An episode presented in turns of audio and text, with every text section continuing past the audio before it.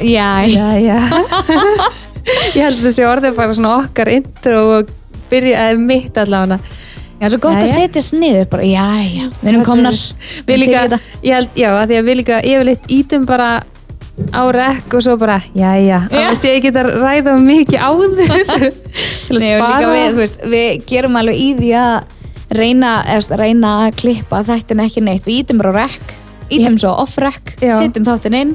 Við höfum held ég aldrei einu sinni klift já, og það var Þáttinn. bara út af eitthvað praktísku atrið, Já. það var ekkert að við verum ekkert að reytsko okkur Nei, svoleiðis, sem er bara, Já, já.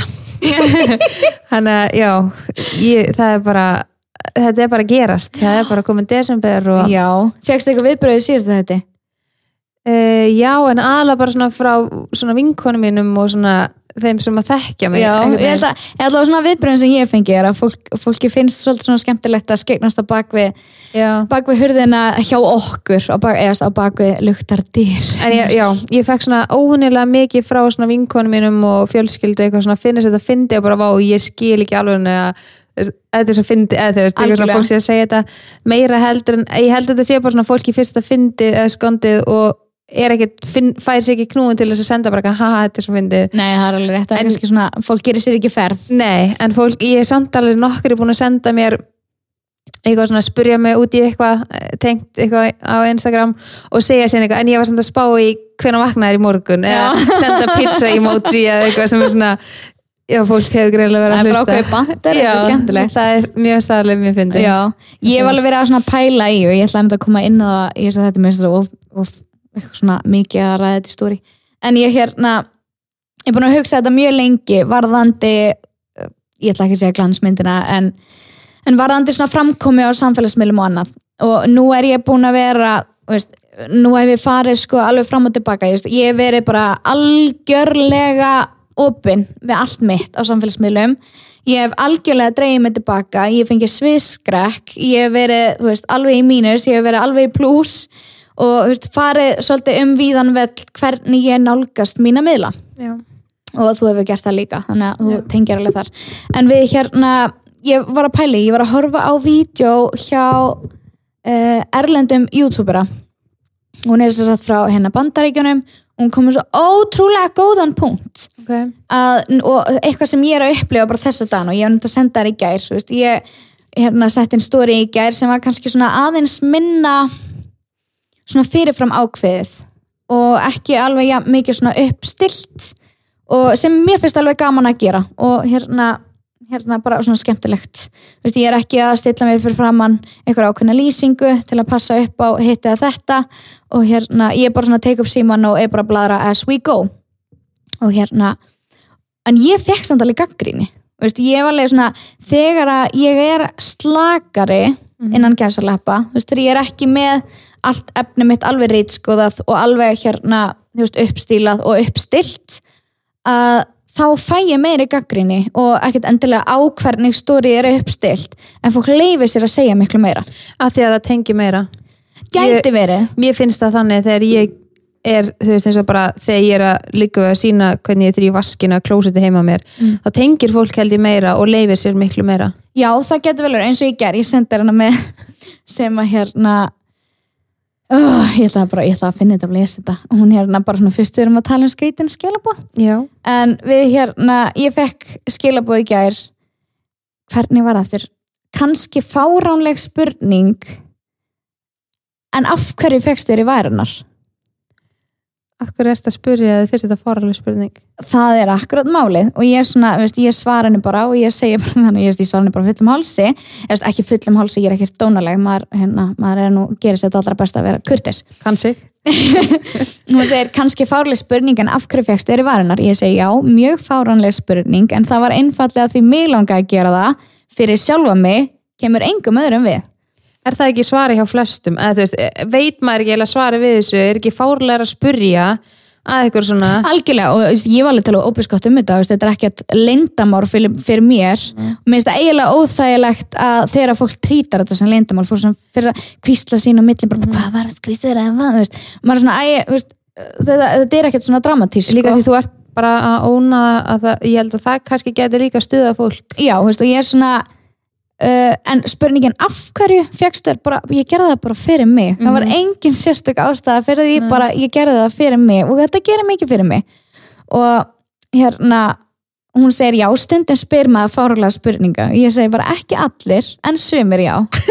Sorry, sorry not sorry hún segir afsaka innilega, ætla ekki að móðga þig. Og þá svara ég, ég náttúrulega móðgaðist alls ekki, en það er allt í lagi. Hún sagði sjálfa að þetta væri fárulega, fárulega spurning. Það er allt í lagi að bara taka undir það. Nákvæmlega. og ég, ég segi við hana bara þú móðgar mig alls ekki. Þú sagði sjálfa að þetta væri fárulegt svo það var greinlega vita mál en sumt má fólk eiga fyrir sig sjálft. Það er 2019 já ég er að berja í borðið það er 2019 og við konur eigum að fá að ráða líkamannum okkar sjálfar án þess að þurfa að svara fyrir það aukunnigt fólk Nákvæmlega. Nákvæmlega. en þetta er, þú veist, og ég var ekkert að tala um varina mínar í gæra, þú veist, ég var ekkert fólk bara svona, ég upplýði svolítið eins og fólk lifi sér meira Já. og þetta vídeo sem ég voru að horfa á YouTube var ég á Daisy Perkins og hún kom inn á það að fólk talar rosa mikið um það þeim langar að sjá content á samfélagsmiðlum vera svolítið hrátt Já. og þeim langar að sjá bara raunverulega lífið og bara, þú veist, hérna hafa allt svolítið real innan eitthvað, gæsalappa. já, eitthvað sem að kannski fólk sér minna af Já, og fólk, fólki langar, veist, og fólk talar rosa mikið um þetta orð, þess að glansmynd. Fólki langar ekki í glansmyndina, en þegar maður tekur hana af og þegar maður er bara maður sjálfur og maður er bara að bombin einhver án þess að rítskoða það, þá er maður gaggríndur.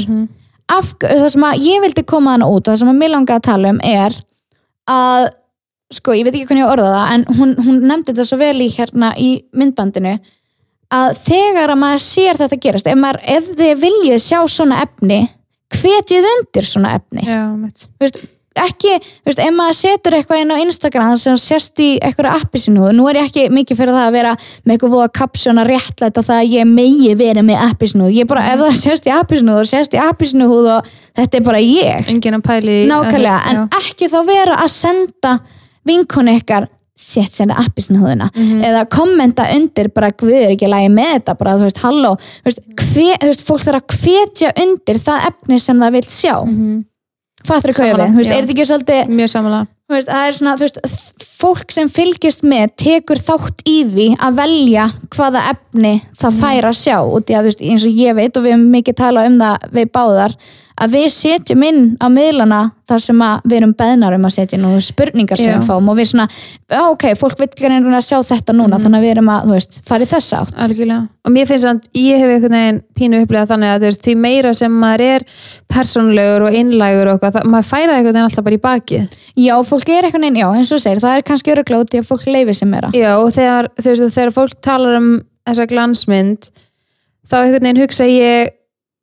ég, þegar maður fær mikið, hvað segir maður, þegar maður fær mikla gaggrinni Mhm. og mikið þú veist, vera að tala niður til, til manns ofinbarlega og maður heyrir af því og maður sér það sjálfur með sín megin augum þá einhvern veginn ósvöldrætt hef ég svolítið sett mig í ákveðin karakter og þú veist, þegar ég kem fram á mínu miðli þá líður mér svolítið þess að ég sé bara ekki ágúst eða heldur lína lánsokkur að fara svið í leikursinu skilur þú veist, veist, ég set mig í ákveðin karakter og ef ykkur gaggrinir þennan karakter þá er hann ekki að gaggrina mig. Já. og ég hugsa bara svona, það getur enginn gaggrind mig sem að þekki mig ekki persónlega en það er alveg erfitt að komast þangað en svo, er líka alveg brenglaðist eins og þegar ég tala um þetta við einhvern annan heldur en þig þá er fólk bara, what? Ha? En það líka skilur þið ekki alveg. Já, það er kannski líka ástæðan fyrir, þú veist, við erum að fá ótrúlega mikið af fallegum og góðum viðbröðum við podcastinu sem Já. er bara dásamlegt. En fólk er rosa mikið að segja vá ég á búin að dæma ykkur allt öðruvísi. Já, en það er kannski, þú veist, bara út frá stóri og það er svona að fólk fá að kynnast okkur fyrir það sem að við erum. Já. og við erum algjörlega berskjaldæðir en ekki einu sinni búin að klippa þáttir Nei. en þú veist, það er kannski það að já, veist, að við erum að leifa okkur það hér og til að við lofum hver annari að þetta væri staður sem við ætlum að gera það Mhm. og er svona okkar átlegt fyrir það, veist, okkar alveg sama hvað eru margir að hlusta, við erum bara actually ótrúlega þakkláttar fyrir það hvað eru margir að Já, hlusta og bara ef það er eitthvað sem nennir að hlusta þá er það bara trús Nákvæmlega. við erum einmitt bara að gera þetta af því að okkur langar til þess já, og og, svolítið bara fyrir okkur og einmitt er svona pínu annar annar vettvangur eða annar plattform fyrir okkur til þess að koma því svolítið frá okkur hverjar við erum í raun og veru. Þú veist, fyrir mig að setja eitthvað í stóri hvernig dagur minni er, segir ekkert til um hvaða mannesku ég hef að geima algjörlega. Og þeim sem að langar að vita meira. prinsip atriði og Já. hvernig svona, já, en þeim sem að langar að vita meira og langar að kynnast meira og hefur áhuga því sem ég er að gera eitthvað, getur þá nýtt til þess að hlusta og svona, einmitt, svolítið svona tengt við mann. Og ég hef alveg bara svona ég hef, hef alveg fengið fallið skilabóð í gegnum allan enn allan enn tíma skilur þó svo að maður sér eitt og eitt slæmt sem að er einhvern veginn við eigum svolítið miklu meira upp á móti einum mm. fallegum skilabóðum skilur maður er svo oft svo fljótur að brjóta sér niður og þegar ég horfi sér í speilin er ég bara akkur er ég svona og fann að taka eftir einhverjum göllum sem einhver annar hefur sett út á mig skilur svolítið sem eins og Nei, svolítið svona eins og ef maður er í ofbeldisfullu sambandi svona andlegu, andlegu ofbeldi ég hef alveg verið í þannig sambandi sem maður var alltaf verið að brjóta mann niður og maður bara svona þú veist, er svolítið þannig þú veist, maður tekur þessi inn á sig og margt sem þessi strákur sem ég var með í sambandi sagði þá, hefur alveg áhrif á mig ennþá í dag. Og svona ef einhver annar rósa mig fyrir það sem hinn strákurinn braut mig niður fyrir, er ég bara þetta er bara kalt henni, eða þú veist akkur, þetta segja þetta, já, og þú veist, ég bara svona, vá, akkur er þetta reyna, reyna að særa mig, eða þú veist. Já. en, en manneskjan er í alvörunni að reyna að að rósa og þetta er svolítið svona eins og líka þegar maður er með eitthvað svona, kannski eitthvað svona ekki minnum hætti kendi með svona ef maður er svona lítill lýsir yfir ykkur og segjum bara ef ég væri óana með nefi á mér eða eitthvað Mm. Og ég má alveg grínast með það en ef ykkur annar myndi grín, fara að grínast með það það er líka ekki læg þetta er svolítið svona þannig, ég má alveg grínast með hvernig ég er og ég er þú veist svona svona svona. En ef ykkur annar segja það þá er ég bara bara, Já, þetta er ha? líka bara eins og með veist, þitt nánasta fólk, veist, ég má fokkast þér en ef einhver annar fokkast þér, þá bara glimta og þetta er líka bara svona svo- svolítið líka sem fyndi með þess að þú byrjar að kalla mig Sollu. Já. ég hef aldrei á minni lífsleið verið kallið Sollu og ég þú veist, er 28 ára það kamala byrja að kalla mig Sollu og svo var ég á hérna svona húð og hérna svona snirtinámski sem var bara geggjað Já. þá, ég mælu svo mikið með hérna var það snirtinámski og þá segir heiður eitthvað svona, er fullt að stelpa með eitthvað að mála sem að mála sér sjálfur, læra að mála sér sjálfur í þessu og ég er ekki í speklunum með eitthvað, maður er ekki maskara með eitthvað og hún bara, Sola, kottu sjá það þess og ég var bara, og við erum eitthvað vinkon mín sem er þess búin að vinka mér bara í hundra ár bara að veist, hún er að kalla hef aldrei kallað mig Sola, og bara ógeðst að fyndi. Ég var alveg svona, er hún að tala um mig? Er eitthvað önnur sem það er, hvað er Sola þannig að þetta er svona fyndi en En já, þetta er alveg svona, þetta er svolítið, eh, þú veist, já, fólk leifir sér alveg svolítið mikið og Já. maður hugsa einmitt svona, ef þetta var í hináttina, ég hugsa oft, þú veist, þegar ég sé eitthvað, segi eitthvað svona, þú veist, hvernig myndi það taka því ef að ég myndi snúi þessu við og fara að segja það sama við manneskjum tilbaka, fólk oft getur ekki sett sig í svona stöðu, í þessu Nei, og líka bara svona, eða, það er svona við erum kannski að svona viljum koma hana út, er að hvetja undir það efni sem þú vilt sjá. Já, að, þú veist, við sjáum bara þegar við skoðum memories á Facebook fyrir 10-12 árum síðan veist, fólk er orðið svo ógeðslega hvað segir maður, gaggrínið og pikki á efnið sem það vill sjá á samfélagsmiðlum. Sko fyrir 10 árum síðan var bara það var enginn að keppa sér upp við það. Ég er bara að ég er læna skóla mm -hmm. Er að horfa á geggjaða mynd, kostkall.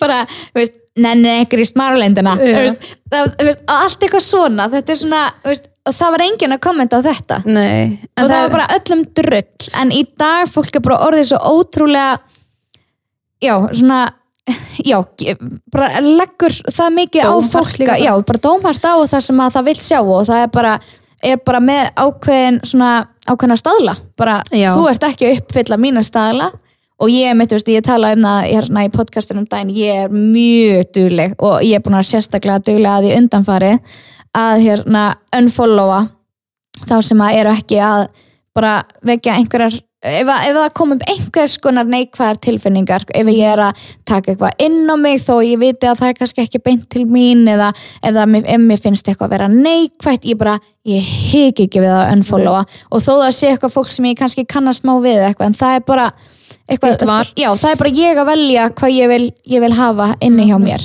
En mér finnst líka bara svona þú veist, fólk er svo rosalega hrætt við að gera mistök af því að við erum orðin svo ekkert bara við í þessum við erum að gera heldur bara allir eru orðin miklu meira ofinberi með það sem það er að gera. Og það er allir, já, mjög hrættir við einmitt bara að allir ótrúlega hrættir við að tjá tilfinningar sínar að hrósa að gera bara nákvæmlega hlutina sem þeir vilja. Og það er ótrúlega sorgleg þróun og þú veist að það þurfa að vera eitthvað átak um eitthvað, þú veist, eins og bara ég hérna núna, þú veist, ég bara grát bólgin síðan í gær, skilur, ég bara gæti ekki sofi og ég bara, þegar ég bara tala það núna þá bara, ég fæ bara tár í augun að tala það.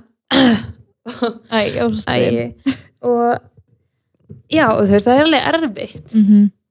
Þetta er ógeðslega súrt. Og þetta er bara, þetta er bara svo orðin svo ógeðslega harður heimur.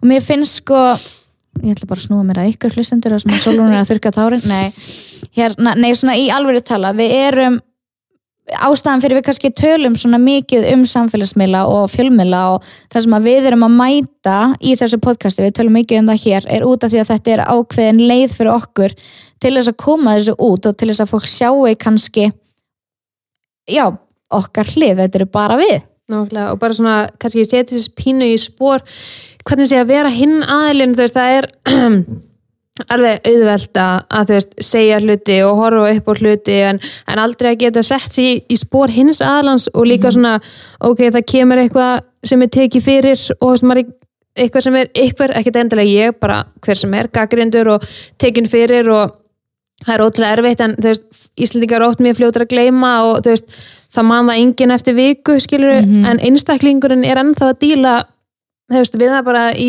langan tíma, skilur algjörlega, bara eins og ég og mín fjölskylda veist, við höfum lent mjög illa bara sem fjölskylda, höfum við lent mjög illa í fjölmjölum og það er eitthvað sem að þjóðin er þannig sé búin að gleyma og það getur örgulega ekki helmingurinn af þeim sem hlusta á þetta podcast mm, vitað hvað ég er að tala um. Nei. en, veist, og örgulega miklu meiri hérna hluti af því heldur en helmingurinn.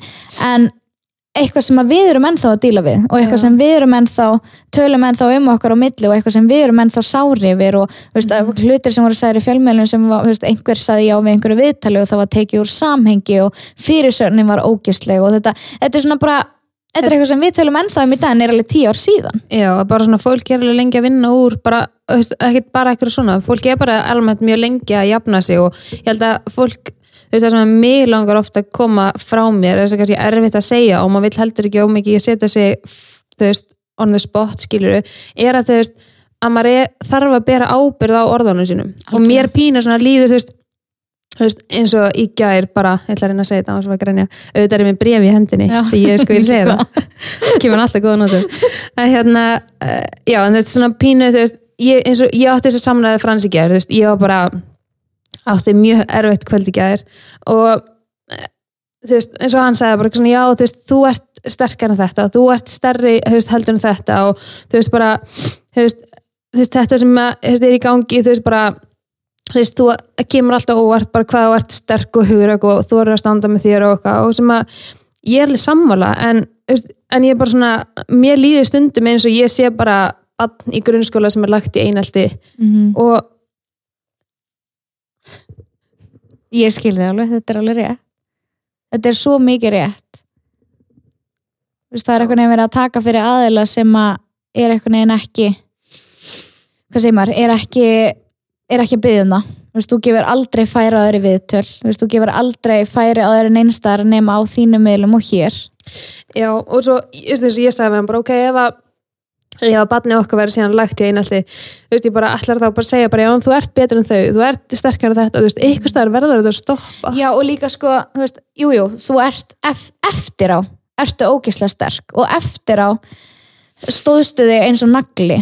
En á meðan, það er ekki auðvelt að gera það, það er ekki auðvelt alltaf að vera ógislega sterk og það er, stundum er maður bara alveg að bugast, þó svo að vissulega svona reynslur og verkefni sem maður fær er eitthvað sem að gera mann sterkari fyrir vikið en, en það þarf alveg ákveðin kvirvilbil til þess að maður komi út sterkari algjörlega, og líka bara ég, þú veist eins og ég hef oft sagt bara ykkur ástæði fyrir að ég lendi í þessu og þetta hefur styrt mig og allt það en ég bara svona stundum er alveg, skilur við komið nóg og ég bara svona veist, þetta ætlar engan endi að taka og ég bara svona orðin svo þreytt á þessu mm -hmm.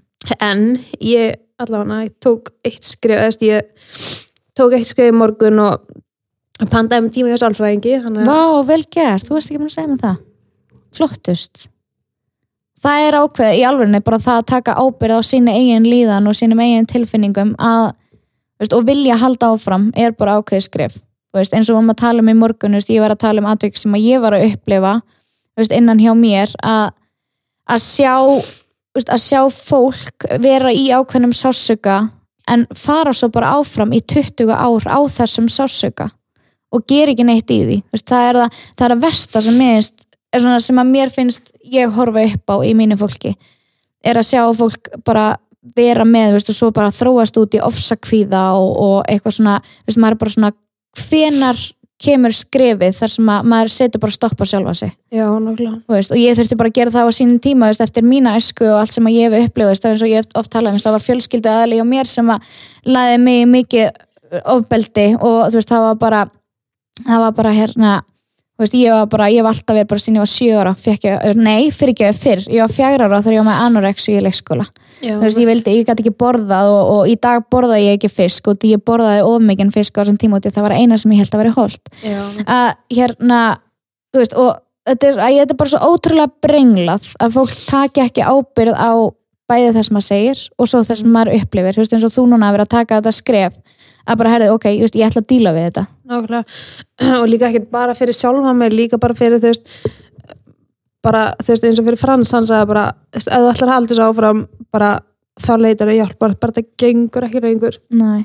og þó það sé ekki nema bara eiga annan aðila sem þú getur bara bara auðsað úr öllum þínum byggurum yfir og fengið svo bara, ok, og hvað Já, mitt. þú veist, Og ég líka bara svona veginn hugsað, þú veist, bara af hverju er ég ekki, þú veist, búin að taka þetta skref en ég er alltaf að hugsa bara svona, ég veit ekkert hvað ég á að segja, eða, þú veist, en einmitt eins og, þú veist, Fransas hefur mikið bara til þess er þessi aðili, skilur, til þess er þessi aðili til að hjálpa og ég bara svona ég held það ekki, ég veit að ég þarf alveg mikið að ég halda agur núna. Þannig að, ég er ókslega stolt þær takk. Úr geggi og ókslega sterk og flott. Takk. Eða þú verður það á eftir. Já, ég er alveg, þú veist og ég er alveg bara svona, er alveg að endur skoða, veist, þessa þessa stöðu og þú veist í því sem ég er að gera og bara svona er þetta þessi virði, er staðan núna? Nei þú veist. Uh, er þetta koma alltaf erfið tímafél í öllu, alveg sama hvað maður gerir, þannig að en þú veist, það er kannski þú veist, fáið sem að vita en, en ég þú veist, fór um daginn til læknis og bara því að ég var búin að vera óksla ólík sjálfur mér og þú veist, eins og ég tala alveg um að þú veist, það var bara eitthvað ekki lægi og bara svona að ég sé með magabulgur og eitthvað bara kvíða og stressi og álægi þú veist, það er bara ekki ekki eðlilegt sko þannig að Nei og þetta er líka bara ekki lægi að þurfa þú veist, bara að setja sig í þessi spór nú lendi ég ekki mikið í þessu og þú. En það litla sem ég hef séð um sjálfa mig á netinu, þú veist, maður er bara eitthvað þú veist, ég, ég, ég þarf að hafa mig alla við að vera bara, þú veist, það er bara fokkjú hver heldur að þú sért veist, maður reynir svona að taka hlutum ekki persónlega sérstaklega þar sem að fólk þekkir mann ekki persónlega en þetta er erfitt, þú veist, þegar maður sér nafnið manns tengt við einhver ógisleg orð.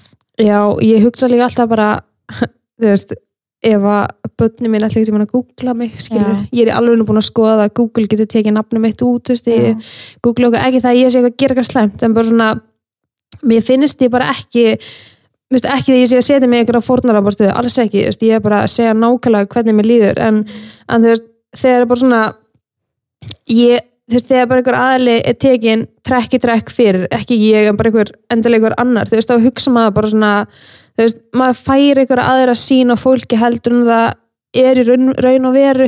Og þú veist, mér finnst, og það er mynd ástæðan fyrir að, þú veist, ég elska að við með þetta, þetta plattform, þú veist, í að bara geta komið og þú veist, sagt nákvæmlega hvernig staðan sé og þú veist, þeir sem vilja hlusta, hlusta og þú veist, fólk kannski mitt kynnist manni betur og þú veist, svona meira veit hvað er í gangi heldur en bara í gegnum story sem er svo lítið brot af manni sjálfum einhvern veginn Mm. og þú veist, ég hugsa bara svona þú veist ég, ég, veist, já, ég bara stundum skil þetta ekki, ég skil ekki þú veist, og ég langar að segja út af mikið, ég ætla að reyna að passa orðin mín en þú veist, ég skil ekki ekki að þú veist, bara veist, ef ég væri að vinna til dæmis sem blaðamaður, vitandi hver staðan væri hjá fullta einstaklingum, þá ekki bara mér, bara mjög, mjög mikið viðkomum málefnum oft í veist, þjóðfélaginu sem hefur að taka fyrir okkur. Ég hefði það ekki í mér að reyna að brjóta viðkomandi enn meira niður fyrir eitthvað, skilur þú veist, bara svona endalaust að pikka í eitthvað, en ég bara svona þú veist, bara einmitt, og, veist, oft líka bara svona fólk, eins og bara þegar fólk missir ástvin eða eitthvað, þú veist, og þá bara svona það er engin filter, þú veist, fólk er bara Mm. hringt í fólk bara eftir kortir og bara er til að koma í viðtal, þú veist, maður bara svona he, veist, er, er þetta fólk með einhverja öðru tilfinningar heldur en ég til dæmis, þú veist, margt svona, jú, ég veit þetta vinna en allt það, en ég bara svona, ég myndi aldrei hafa þetta í mér Nei.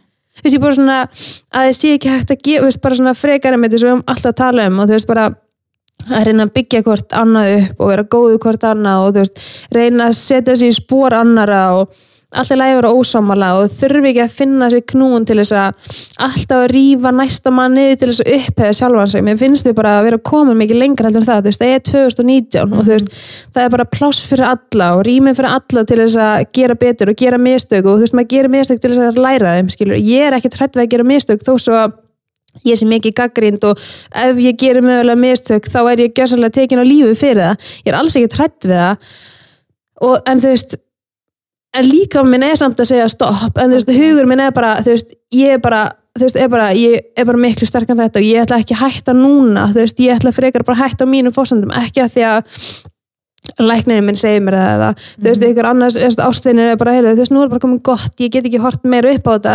En ég er bara svona, þú veist ég finnst sem bara sorglegt að við séum í alverðinu hér, þú veist, bara og ekkert bara, þú veist, ég vil alls ekki vera eitthvað að setja mig einhver fórnulega stöðu en þú veist, það er bara fullt af fólki sem er í sömu stöðu og ég bara alls það er í heiminum, skilur þú veist, og maður er bara svona þú veist, ef ég væri utanakomandi hlustandi á mig og myndi ég örgulega segja bara, þú veist fara að gera eitthvað annað, bara please Já. þú veist, ef vinkvar mín væri í þessu stöðu og ég myndi vita, þú veist akkur eftir að þessu? En ég veit ekki, þú veist, það er eitthvað ástæð fyrir að ég er sé ennþá hérna, þú veist, og ég sé ennþá að gera sem ég er að gera, mér finnst þetta skemmtilegt, mér finnst þetta gaman en, en þetta er samt alveg líka ógeðslega erfitt. Og það er kannski líka kannski er einhver ástæð fyrir, þú veist, ég trúi því að það er ástæð fyrir öllu. Þú veist, kannski Já, mögulega þó það sé ekki nema að þú er náttúrulega fyrir það fyrst að læra heilan helling og þú Alveg, ert að gangi í gennum og styrkjast he- heilan helling á alls konar sviðum, ekki Já. bara þessu heldur bara, veist, bara businesslega og veist, við erum að læra svo ótrúlega margt og svo ert þú núna hér veist, og við erum að tala um þetta.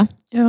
Sem ætlum alls ekki að gera. Nei, við kannski tökum bara annan fólk bara gleðileg jól. Já, en hérna já þú veist að það við erum, kannski, við erum að tala um þetta hérna núna og það að annarkvort geta verið ákveðin stóð að stytta fyrir eitthvað annan sem er kannski gangi gegnum svipa það þarf ekki endilega að vera ofinberlega bara gangi gegnum einhvers konar niðurif á einhverju sviði í lífi viðkomandi að geta bara, þú veist, verið smá byrjundi vængin hjá viðkomandi eða þá opnað augun hjá einhverjum sem er algjörlega með þið lokuð að þá, er það, þá finnst mér að strax vera worth it. Já, klálega og það er alveg þess verði að vera í þessari stöðu og vera að deila og að geta, já, eins og við segjum við tölum rosalega mikið um samfélagsmiðla og fjölmiðla og, og framkomi og samskipti og allt þetta en það er bara út af því að við erum að hrærast í því allan daginn. Nákvæmlega. og við erum að fá alls konar alls konar samskipti til okkar frá alls konar fólki Já. allan daginn. Og, þetta, og líka bara að því að þetta skiptir okkur svo gríðilega miklu máli, það er fullt af fólki sem getur bara lokað augum fyrir þessu og bara mér er alveg sama, en þú veist en ég hef líka bara með svo ógeðslega sterkar réttlætiskend að þú veist það stundum er alveg þú veist, býtur stundum alveg í mig skilur þú veist, að ég á alveg erfitt með það þú veist, uh, með já, sérstaklega svona hluti. En, en já, já, þú veist þetta, ég vona allavega að ég get ekki farið mikið neðar en þetta sem ég er búin að vera núna síðustu dag og vikur en að ég er allavega búin að taka skrifa fara til læknis og fá niðurstöður úr veist bara Líkamlegu líkamlegu ástandi. Og svo næst er það bara andlega, ég er bara að skulda sjálfur mér það og, og fjölskyldu bara og mm, vinum. Bara börnuninum og já, mér, nei. Já, sérstaklega þér þannig að já, en ef við kannski tala um eitthvað aðeins meira uh, jákvætt og, og skemmtilegt eins og ég var nú skemmt, spennt fyrir þessu þætti en mjög random að þetta kom í þessu þætti og ég bara svona, já ekki ég skamma þess mín ekki nógu mikið en mér leiði nógu illa með það að vera bara grát bólgin í hérna þegar ég sótti á hann. Nei, það er bara, veistu, það er bara lífið er alls konar og við hérna tökum við bara eins og það kemur og gerum okkar allra besta og það er sem að ég er ótrúlega stolt af þér að gera núna. Þú ert að gera þitt besta og ert að taka skrif sem að veist, er alveg, þannig sé erfitt að taka og mörgum finnst sjálfsagt veist, að, Þú veist, það er bara ákveðið bara að, að auðmíkja sig og vera einlegur er, er eitthvað sem er erfitt fyrir marga en svo ótrúlega mikilvægt út í að svona komast við á næsta skref. Ég ég það er, bara, það er þeirra vandamál ef það Já. verður gert sko, það er bara þannig. Ég tek ekki þátt í ykkur svona regli þá, fá- þá, þá kemur kami klikk kannski aftur þó ég hafi sagt upp. Úf, ég vona. En, en, já, en við getum kannski líka bara bombaði tvo þætti í þessari viku og, og hérna sett það bara gleðli nei, við klárum þetta. Við þurfum eitthvað uppbyggilegt í hennan þá ætti ekki bara ég að gráta í, sko, ég líka bara svona gráta í podcast. Þetta er bara ég, ég sko, ég, öruglega nei, kannski ekki fyrst til þess en þetta er alveg mjög greiðlega Já, Að það, mér, finnst samt, mér finnst þetta samt heilbrygt og mikilvægt að það er það eru sínda bara allar hliðar Já, já, bara þú veist, og einmitt maður á ekki að, þess að vera eitthvað að fela tilfinningar sínar og ég er alveg svona mér fannst Snapchat meiri vettfangu til þess að geta þú veist, ég kom alveg til svona minn grátandi á Snapchat og bara svona leið ömulega og varð bara að koma þig frá mér og þú Já. hvatti mig til þess að bara, ég hef gert það líka alveg Já. bara, en ég, ég finn með, ég get ekki veist, ég er ekki þar á Instagram, ég finnst það annar miðill, þannig að mér finnst bara ekki að geta nýtt það hér, ég er reyndar ætla alls ekki að tala um þetta út af því að mér finnst þetta viðkant mál, þetta er ennþá viðkant mál en þú veist, svo ég eftir að horfa tilbaka og ég finn það bara strax veist, ég er alveg stolt af mér að geta farað ánga skilur, Mhm. að, og veistu, bara svona að ég, ég er ekki hrætt við neitt, ég er ekki hrætt við að sjá tilfinningum minna, ég er ekki hrætt við að segja, þú veist, ég er ótrúlega hef alltaf verið beinskeitt og ákveðin og, og alveg bara svona geta verið alveg með háa rödd og sagt það sem ég finnst og svo sé ég eftir á móti feimin. Mhm. en þú veist, og ég vona bara að ég sé líka þá bara að hjálpa ykkur um öðrum skilur eins og þú segir og líka bara hefst hvetja þá aðra til þess að, að leita sér hjálpar. Og þú veist, margir sem að líður illa og veit ekki af hverju og oft emma þú veist, að ég allan að því ég er kvíðin og, og er eiga erfiða daga þá oft veit ég ekki af hverju. Mhm. og, þú veist, og ef ykkur spyr mér bara veist hvað, akkur, akkur er svona kvíðin ég bara svarum mitt er eiginlega bara 90% tilfella bara ég veit það ekki. Veist það er bara, það er bara ótrúlega margt og veist það er bara eitthvað sem að triggerar eitthvað eitt segir eitthvað eitthvað og maður bara svona, þú veist, Frans bregst eitthvað öðru sér við en ég kannski bjóst við við ykkur og, og það bara svona triggerar eitthvað og maður, ég veit ekki af hverju það og bara margt undirleikjandi og það er náttúrulega bara velkomin tíma á að, að ég leiti mér þú veist, hjálpar og aðstofa með það að þú veist að bara svona vinna úr þessum tilfinningum og bara svona, einmitt, bara til þess að styrkja mig og ég vona að, þú veist, ég sé það bara kvartning fyrir aðra til þess að gera það sama Algjörlega. en já, jólin er bara tími gleðileg, jú, það er bara komin aðvenda og... já, jólin er allan tími sem að ég elska Já. en hef aftur á móti líka átt erfitt með og þú veist, ég hef alveg sagt frá því áður að þú veist, fóreldrar mínu skildu á kannski ekki erfiðum tíma, er það ekki alltaf erfitt þegar fóreldrar mann skilja? Og það var svona skríti að þú veist að fjölskyldan svolítið svona splundraðist, þú veist, ég var komin á svona mín fullorðins ár og var svona var eitt ári bara með kærastari mínum þá og eitthvað svona, hef verið svona fram og tilbaka og fann aldrei ég var aldrei, ég komst einhvern veginn aldrei í jólaskap. Og sem er ótrúlega að finna því að núna þessi í ár er ég búin að vera í ógeðslega miklu jólaskapi og ég er búin að vera bara geðveitt þú veist, glöð og spennt og bara svona hef áhuga á öllu sem að tengist þessu og bara ótrúlega gaman að geta, þú veist, krakkarnir eru bæði orðin svona frekar stór, geta gert alls konar með mér og svona, ég er að upplifa ótrúlega mikil bara síðustu tíu ár í gegnum þau núna og þú veist, ég veit að oft fóreldrar tala um að þú veist, þegar eignast börn og þá upplifir maður aftur jólin eins og þegar maður Algjörlega. barn að þegar maður er að gera allt með þeim eins og maður gerði og ég er klálega þar og Frans baði mig í síðustu viku um að slaka eins á út af því að ég hef alveg verið þar að ég er svona er að telja sjálfur með trúum að ég sé brjálu í jólaskapi og það sé bara að gegja eitthvað, en ég er það einstinn ekki og ég er úst mikið að reyna að komast þangað og ég þessu ekki bara, Já, get ég ekki bara ég. tekið þetta niður ég bara nenni ekki hafa jólatrið, það pyrra mig og mér langar að ganga frá og ryksu að grenið og eitthvað og hann er út af hrættum að ég fari þangað en ég held að Þú ert alveg svona genuinely þarna núna Ég Já. finn það alveg, ég finn munaði núna og í fyrra sko. Já, og þú veist, líka bara svona svo fyrir að horfa tilbaka og síðust ár hef ég einhvern veginn verið bara, þú veist, við vorum að flytja einu sinni milli jól og nýjás, við vorum einu sinni fyrir norðan hjá tengdafjölskyldur minni sem var líka pínu viðbriði, Öðruvísi já, þú veist, og bara svona, þú veist, já, hef verið að flytja, náttúrulega, þú veist, hef verið í prófum og þú veist, hef bara alltaf einhvern veginn verið einhvern veginn svona svo mikið að íta öllu á undan mér aldrei náða að njóta einhvern veginn og í fyrra var svona, jú, það voru við áttum indisli og alltaf ámar indisli jól en þú veist, ég var alveg bara svona í pínu jólaskapi fyrra en var alveg náttúrulega útrúlega mikið vinna að vera með þú veist, maður var svo lítill þá og Mhm. og við vorum í framkvæmdum. já, og var einhvern veginn svona ekkert tilbúðum og var ekki að setja jólatri og það var hálfsparslaður Já. vekku fyrir aftan og það var bara frábært skilur en, en núna er einhvern veginn svona mér líður útrúlega vel heima á mér og bara svona er hamingisum og er þú veist bara svona á ógeðslega glöðbött sem er til í að gera hluti með mér og eitthvað. En ég bara svona er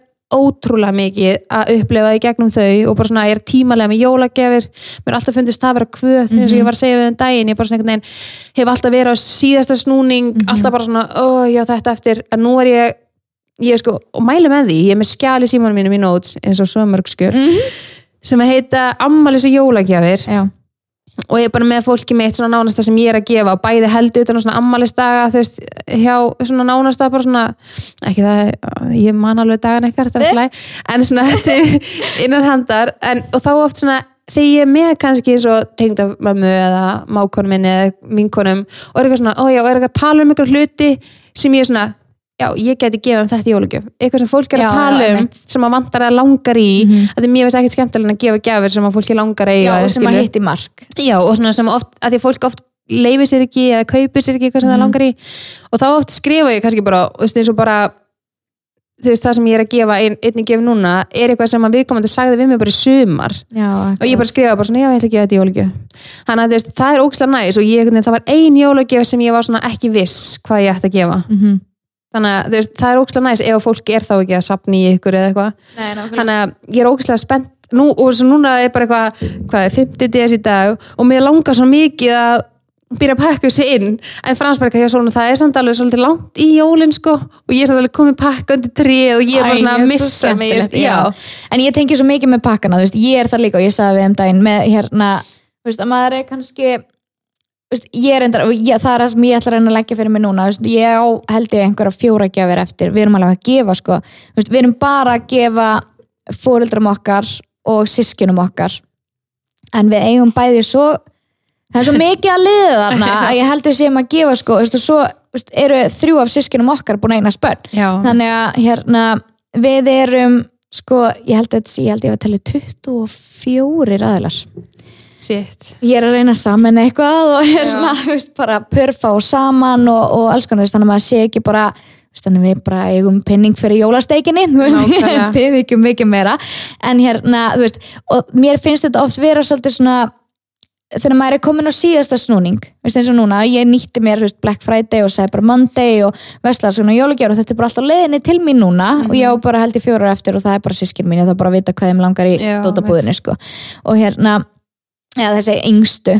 Og hérna, en það ég hef undan tekningalust alltaf á jólunum um, endað í því og því að nú er ég svo svona laid back típa, ég er svo mikið meira fyrir það að njóta heldur en að rinda hlut eða stótum í, í hérna, framkvæmt Já. þannig að ég er rosa mikið bara að horfa á mínar uppáhalds jólamyndir og drekka kakóið mitt og hafa mjög notalegt þangar til að bem á Þorlóksmessu þá er ég að hérna, eða svona, já á Þorlóksmessu yfirleitt svona klára ég síðustu gjöfuna, eða síðustu tvær jafnvel.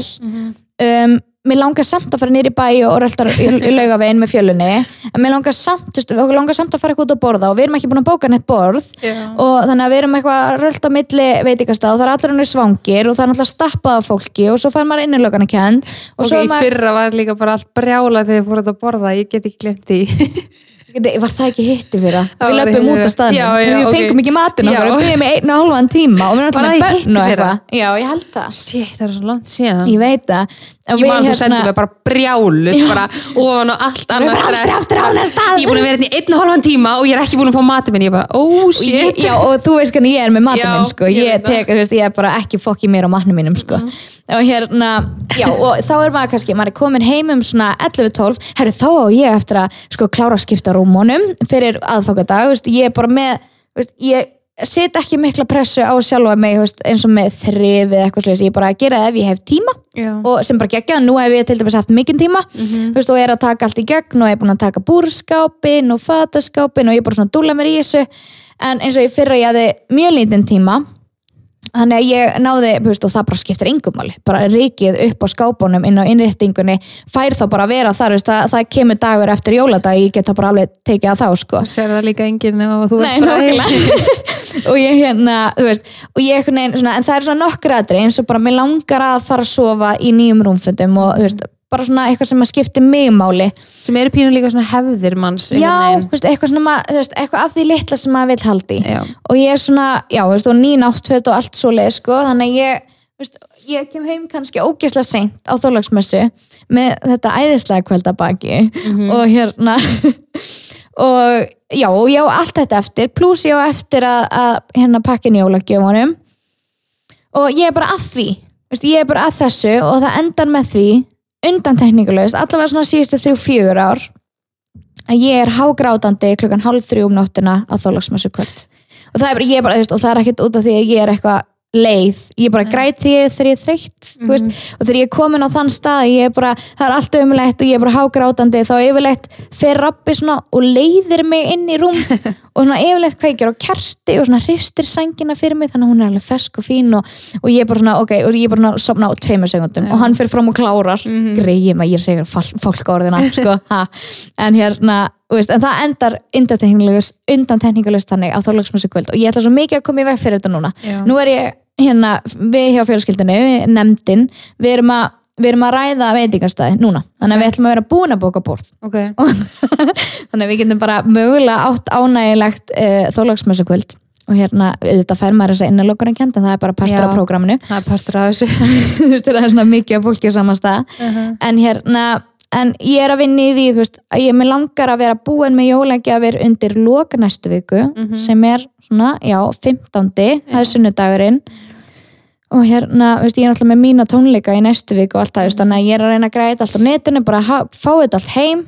Og svo þegar tónleikarnir eru búnir þá langar mig að geta svona fara að klára að pakka inn og það væri algjör draumur. Já, einhvern veginn að fá bara að njóta en svo einhvern veginn hugsa maður samt líka að partur af einhvern veginn jólast, jólastemmingunni er þetta stress. Já, ég veit. Það er að vera bara þólega sem þessu, ó þetta er ekki að græða þetta og bara, ó þú veist, það Já. er pínu svona bíómynda þengið einhvern veginn. En samt einhvern veginn sem að er, maður er hvort er alltaf í stressi að þú veist eins og bara með matinn og bara ætlum sem er nóg, ætlum við að gera þetta? Og byrja að elda Já, maður skipti jólunum okkar það sem að við vorum með jólinn í fyrst skipti okkur, þeir voru með jólinn í fyrsta skipti ykkur, við byggum í sama húsi og mér vantaði maður senna mér klukkan kortur í sex.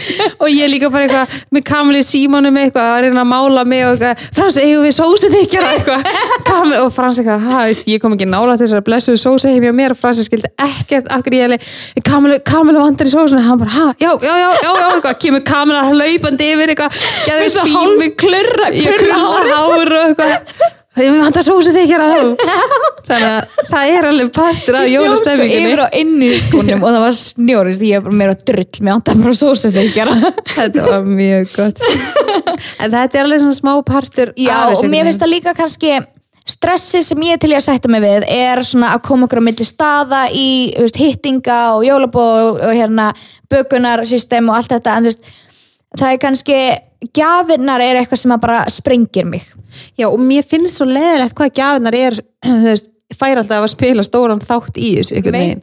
Þess að svo einhvern veginn, innst inni er öllum eiginlega alveg sama, Mhm. en maður er samt, og, og mér er ekki þeim ég sé sama um gjafinar sem við fáum, en maður svona, það skiptir mikið máli hvort ég fá spilastokk eða eitthvað massa mikið í gjöf, skilur Mhm. bara, bara sem hugur sem gildir, en samt vill maður leggja ógstlega mikið metna í gjafir annara, eða skilur sem er svo brenglað. Já, og svo er líka bara mikilvægt fyrir fólk að muna að það stærð gjafarinnar skiptir ekki máli. Nei, það skiptir bara máli hversu dýr hún er. Já, Nei, er að nákvæmlega. Ó, ég var alveg, já Það er eitthvað hugur sem gildir kamla Nei, Ég er að djóka, ég er 100% að djóka. En já, mér finnst líka bara einhvern veginn ég man alveg líka eftir þegar ég var yngri að veist, heima hjá vinkunum minni svona, svona besta vinkunum minn þá var alltaf rosa mikið svona prógram í kringum jólin. Mhm. þú veist og ekkert eitthvað, ekki neikvægt, ekki meðskilmynd það var bara svona, þeirra hefðir voru bara rosalega svona mi mikið fjölskyldu fólk og, og ég fekk alltaf að koma með sem ég var óslega þakklátt fyrir og ég veit ekki kannski bara sé að ég var óslega brotin einstaklingu bara eitthvað, já ég sólrum minn kontu bara með eitthvað, ég fekk alltaf að fylgja með og ég er mjög þakklátt fyrir indislegt fólk. Og hérna já og ég einhvern veginn svona einhvern veginn pínu kúplaði mig þarna í þessum aðstæðum út frá í rauninni minni fjölskyldu einhvern veginn að því að veist, mamma mín var bara með veist, e, þá lítið barn skilur og pappi minna bara fulla að vinna og bara nóg að gera hjá öllum og það var ekki neitt svona fjölskyldu dæmi hjá mér veist, þegar ég var yngri. Og síðan hjá alvöru pappi mínum er rosalega mikið svona í þeirra fjölskyldu eða var allavega, og rosalega mikið svona fjölskyldu dæmi þau hittist og gerði rosalega mikið en, en ég var aldrei partur á því þannig ég pýnur svona fríaði mig frá því og fór bara hann með þessari vinkonum minni í allt hennar í Ólafstús Já, og uppliði svolítið svona það, það í gegnum hana. Og það skipti mig alveg til miklu máli. Og ég maður bara alltaf eftir ég var bara með stjörnur í augunum yfir þessu fólki sko, mér fannst þetta bara dásalegt ég var alltaf bara, veist, þegar ég var mamma þegar ég eignast fjölskyldu þá ætla ég að gera útrúlega mikið veist, með börnunum mínum og, veist, og að- þau veist, skipta útrúlega miklu máli og vera búin að plana hlutina og búin að hugsa fyrir hlutunum skilur ekki alltaf bara já, gera þetta morgun og frestum við þarna og ekki hafa tíma í það. Þannig að það er eitthvað sem að ég fann einhvern veginn ekki fyrir en að ég eignaðist bann að ég bara svona ok, frá erum við að fara að gera okkar hefðir. Og maður er einhvern veginn svona ég skapa bara mínar hefðir og þú veist fjölskylda mín, jú, þú veist, fóreldri mín er ekki saman í dag, en er ótrúlega góði vinir og ég er bara svona þú veist, ég veist, bað þau bara innilega um að geta hist með okkur saman og bara svona við erum fara að halda þessi jól saman, ég þarf þá bara að vera lími í hópnum, það þarf ykkur að vera en ég ætla að hætta þarna hætti ég bara að vera sár og pyrruð út í fjölskyldana mína fyrir að gera ekki hluti þú veist, ég hugsa bara svona, akkur ætti þau að stinga upp og en ekki ég veist, og, veist, þannig að ég freka bara svona fæ ömmu mína og veist, sem er langama barnana minna og fóreldra mína og sískinni mín til þess að koma og gera eitthvað með okkur og þetta tengda fjölskyldi líka og þú veist, við byrjum bara á því að gera laufabrauð og þú veist, ég myndi þetta típiska skreita pipakökur og þú veist, sem er að því svona, ó það er allir að skreita pipakökur, þú veist en það er bara er notaleg, já, þetta er svo notaleg samveru Já, þú veist, og- það er ekkert endilega hver gerir flottustu peipakökunar, það er bara Nei. spurninga Hittast krökkunum og- að leika og, og allt þetta. Og það er einmitt eitthvað svona þú veist, og svo einmitt þegar maður horfir tilbaka þú veist, það er þessa minningar og þessi tími sem maður lifir á einhvern veginn, þú veist, og nærist á og þú veist, bara einmitt að spila og alls konar þú veist, og ég þú veist, mér finnst alveg mikið í kringum jólin oft svona fólk er að sína bara góðu stundinar þú veist, auðvitað veit maður alveg að það er allir eða mjög margir í stressi og pyrraðir og þú veist, það er mikið í gangi og oft mikið að gera bara í, þú veist, hjá öllum og þú veist, Já, bara, og, og, samt, og svo kannski eitthvað í gangi eða eitthvað í sjúkdómar eða eitthvað Já. fíkn eða eitthvað og, og það er bara rosa margir og er bara fjárhagslega örðuleikar og við erum rosa margir Já. sem eiga ekki gleðileg jól Nei, og þú veist, og þarna veist, ég stóð með alveg að því hérna, hérna 2016, 2017 og var ég bara svona vá hvað jólin eru geggi hjá öllum þarna stóð ég sjálfa með að því að vera bara vá. Já, er veist, það. veist bara svona, það er allir bara í sumabústu að spila og allir bara í gett kósi náttutum bara þarna og þú veist bara, já, fara í pottin og bara, þú veist bara samverðstundir og, að já, bara jólabakstur allir baka sörur og bara, þú veist, ég veginn svona og ég bara svona, þetta er eitthvað sem er mér, og ég uppliði bara svona pínu eins og ég var bara svona ah, að þú veist, og ég get alveg tengt við fólk sem er bara eitthvað svona, ég meik ekki að horfa eitthvað svona glansmyndu og eitthvað, og þú veist, auðvitað er þetta glansmynda að lífi hjá okkur fólki, þú veist, maður sé bara góðu hlutina, en þarna var ég í þessari stöðu, var bara eitthvað svona vá, þú veist, af því að mér langaði svo mikið að vera á þessum stað með minni fjölskyldu sem að fjölskyldu mín var ekki á þessum stað þá og fóð síðan með þetta tala um þetta við þú veist Frans og við mömmu og, svona, og Frans sagði líka við mig bara eitthvað svona já en það þarf ykkur að taka skarið. Það þarf ykkur að þú veist, brjóta í sin og það þarf ykkur að starta þessum hefðum skilur og, og ég er í mínum þú veist bæði í vinkonahópnum, þú veist, er ég svolítið bara svona fyrst allavega. Já, en er það ekkert alls ekkert lengur. Af því að þú veist, sambandi er bara orðið þannig að það er allir ókslega opnir fyrir því að þú veist, þú getur alveg sett í hópin bara eitthvað, ei, gerum þetta. En fyrst var það meira svona heinan að gera grúpu og við hittumst allar. Já, veist, það þarf ofta ykkur að taka skari og mér langaði með þetta að vera ókslega hvetjandi og ég sagði þetta fyrir tveimur ára síðan eitthvað í stóri, bara eitthvað svona þú veist, að maður getur alveg stungið upp á því sjálfur Algjörlega. að hóa fólk saman. Þó svo að sé ekki mikið samband og, veist, það er ekkert brjálæst mikið samband í fjölskyldinni á mömmu minni veist, svona, jú, jú, þau, samband og ekki samband, að það er lítið um að hittast og gera eitthvað. Og mér langar að það verði alls ekki staðin í minni fjölskyldu. Þannig að ég allavega tók að skarið fyrir mína fjölskyldu og bara svona, við erum fara að hittast þarna að spila þú veist, þeir sem að koma vilja, þú veist, það verður matur þarna við ætlum að vera með aðvendu þarna, við ætlum að hitta jólasenna þarna og þú veist, allt þetta skilur algjörlega og þegar þú talar um þetta í stóri á sín tíma þá bara, þá var það ákveðin svona opinberum fyrir mig og ég tók Já. alveg til mín og ég hugsaði bara, vá, þú veist þetta er líka bara partur að því að fullorðnast þetta er Já. partur að því, þú veist, maður er alltaf veist, það er oft talað um það veist, þegar þú ert að komin á ákveðin aldur og sést bara eins og fó- veist, aldur foreldra okkar og allt þetta, Mhm. þá er maður samt alltaf þessi svona, þú veist, litli, þú veist, svona litla barnið eða úlingurinn inn í sér. Og þú veist, þó að ég sé komið heimili og, og barn og gift og allt þetta en þá er maður svona, ég er oft bara að býða eftir því að mamma segi eitthvað að eða amma gera eitthvað. Og, og það, var, það var alltaf þannig í minni fjölskyldu að það var rosa mikið af hefðum og mikið af hittingum og, en svo bara hefur það einhvern veginn það hefur fjarað út. Ég veit ekki nákvæmlega af hverju en, en það er kannski meira svona í stórfjölskyldunni og svo er bara breytast aðstæður í fólki og, og hérna og það hefur svolítið fjarað út. Og þegar þú segir þetta á sín tíma þá var ég bara, vá, veist, ég er alveg fær um það að senda bara, veist, og svo er þetta auðvelt í dag bara Já. með samfélagsmiðlum. Ég sendi bara grúptjatt á, veist, ég bjóti grúptjatt fyrir rappafjölskyldu og þessu svona nánustu bara með manns og sýstra hans og eitthvað og svo bara mína og bara, herru, eigum við að baka fyrir jólin? Og svo bara sendi ég á heina hey, eigum við að spila eitthvað? Veist, og er bara, þið eru velkomin hingað við getum komið til ykkar eða bara hvað vil ég gera? Og þá startast bara ákveðin umræða og þá gerum við eitthvað þetta er bara er oft svo ótrúlega hrætt við að taka af skari mm -hmm. eins og við hefum bara margótt rætt í þessum þætti veist, þessum þáttum bara, einmitt, bara eins og með vinnu og hóa fólk saman og kynnast fólki okkar, fólk er alltaf hrætt við að þó svo þetta sé manns nánasta fólk Algjörlega. maður er hrættur um að að fá nei eða þú veist, komast ekki eitthvað veist, og, ég, ég man alveg eftir að veist, eftir að ég fór að tala um þetta og ég bauði þarna þá byrjaði að fá hérna veist, fólk heim og vorum að baka og skreita pipikökur og bara svona típiska skilur bara gaman að hittast allir og eitthvað. En svo fann ég mig að ég bara svona já það bara nennir enginn að koma og það, það er bara allir ógstu uppteknir og eitthvað. Og, og þá stóð ég svolítið sjálfa með því að var bara eitthvað svona, þá komst þú veist, amma mín ekki og pappi minn held ég ekki eða eitthvað. Þannig að þetta var þetta var þú veist þá bara gæsa ég labba, man þú veist, ég, fransk krakkarnir og þú veist, mamma og eitthvað svona, þú veist, bróður minn og eitthvað.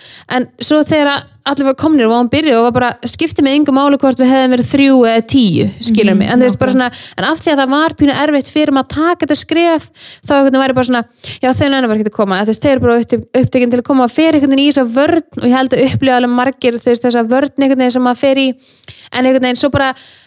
verður maður bara að viðhalda þessu eins og núna er bara, þú veist, hérna gerði ég svona samverudagatal og það er bara út frá því að þú veist, að því að maður er með ó- oft ótrúlega mikið planað í mánuðinum, þú veist, maður er að fara að gera þetta og þetta og þú veist, það er jóladagskrá þarna og eitthvað maður svona pína að halda utanum og mér finnst það líka með, með krakkana þú veist, ég var að vinna mikið með börnum að ég var yngri og í desember mánuð var bara einn erfiðasti mánuðurinn að því að börnin eru svo upptjúnuð og svo er þetta, þú veist, jólasittin að koma og þú veist, hvað fækst í skóin og, Já, það er og- öskurútína og það er Já, og bara þú veist, súkulega dagatali í morgumat og þú veist, allt þetta, þú veist. Og það er bara, það er rosalega mikið álag á þessum börnum og veist, og ég, einmitt, þegar ég var að vinna þarna með þessum börnum og fóreldarnir voru bara bugast og við starfsfólki vorum bara bugast með þessu börnum, þau bara skilja ekki almennilega það komið desember, hvenær er jólin? Þú veist bara, "Eh, þau eru ekki fyrir næstu þrjárugur en það er desember, þú veist, þú bara er ekki komið þann þroska til þess að skilja og þarna væri bara ok, þetta er eitthvað sem ég ætla að tækla með mínum börnum, að þú veist eins og núna því ég gerði þetta samverudagatal fyrir desember og það voru mjög margir sem voru bara hvað er samverudagatal getur útskýrt á og svona, þetta er ekkert neitt brjála en þetta eru bara, ég tók bara alla dagana eins og það eru mjög margir sem gera þetta. Og ég gerði til dæmis